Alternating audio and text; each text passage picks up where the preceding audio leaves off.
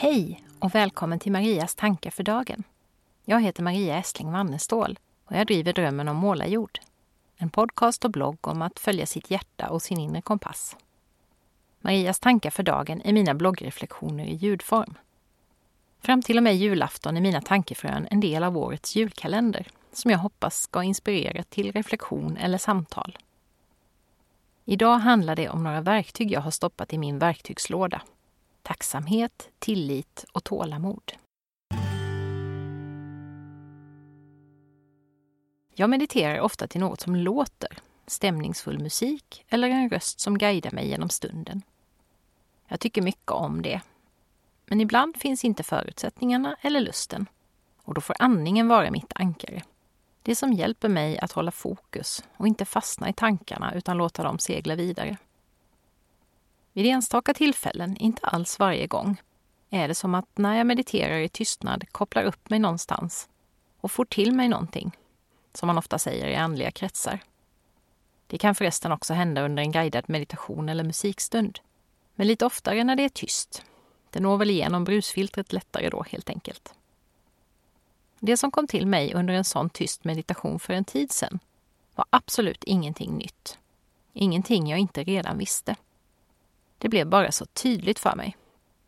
Ungefär som när en vän beskrev att hon upplevde någonting som i eldskrift framför sig vid ett tillfälle. Att mina tre förmodligen viktigaste verktyg alla börjar på bokstaven T. Tacksamhet, tillit och tålamod. Att utgå från tacksamhet som Joanna Macy och Chris Johnston skriver om i boken Aktivt hopp, att möta vår tids utmaningar utan att bli galen, i mitt dagliga liv har jag pratat om i ett tidigare tankefrö. Att stanna upp ett ögonblick, inte bara under den lilla kvällstunden med min tacksamhetsdagbok, utan många gånger varje dag och känna tacksamhet över allt det som är bra i mitt liv. Det har kommit att bli en självklarhet. Vissa dagar är det förstås en utmaning, men just nu är det lätt eftersom jag både älskar adventstiden och har så väldigt roligt på jobbet. Att träna mig i tillit är en annan grundpelare i mitt liv. Även här är det stundtals en större utmaning än jag klarar av och jag tappar modet. Trots att jag så väl vet att this too shall pass. Också det här kommer att gå över. Om det handlar om någonting svårt jag går igenom. Eller att allt jag behöver kommer till mig. Om det är fråga om något som jag drömmer om eller hoppas på.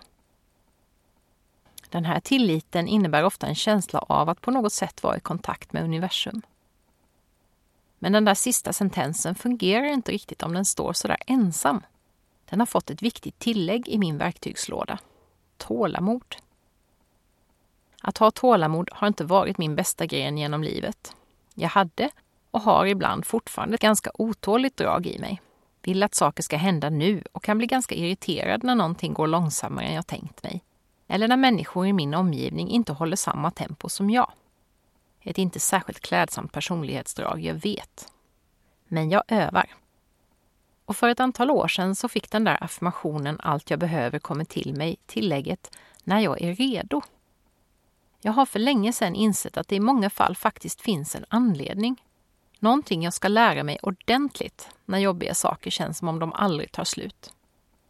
Eller i det andra fallet, att jag behöver förbereda mig mer innan det är dags att ta ett nytt steg i den riktning som min kompass pekar ut åt mig.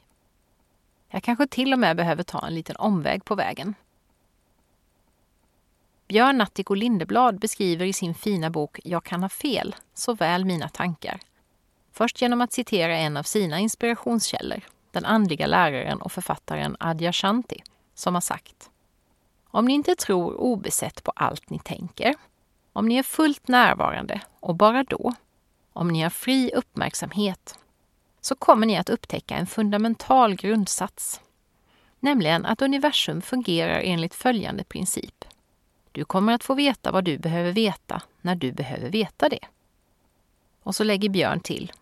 Vi når en högre grad av såväl frihet som visdom när vi vänjer oss vid att leva mer i tillit när vi förmår och vågar släppa våra fåfänga försök att kontrollera och förutspå framtiden. Då händer det något nästan magiskt. Idag skulle jag vilja uppmana dig att fundera över vilka som är de viktigaste verktygen i din verktygslåda. Finns tacksamhet, tillit och tålamod där? Eller har du helt andra verktyg? Tack för att du har lyssnat och välkommen tillbaka till en ny kalenderlucka imorgon. Hej då!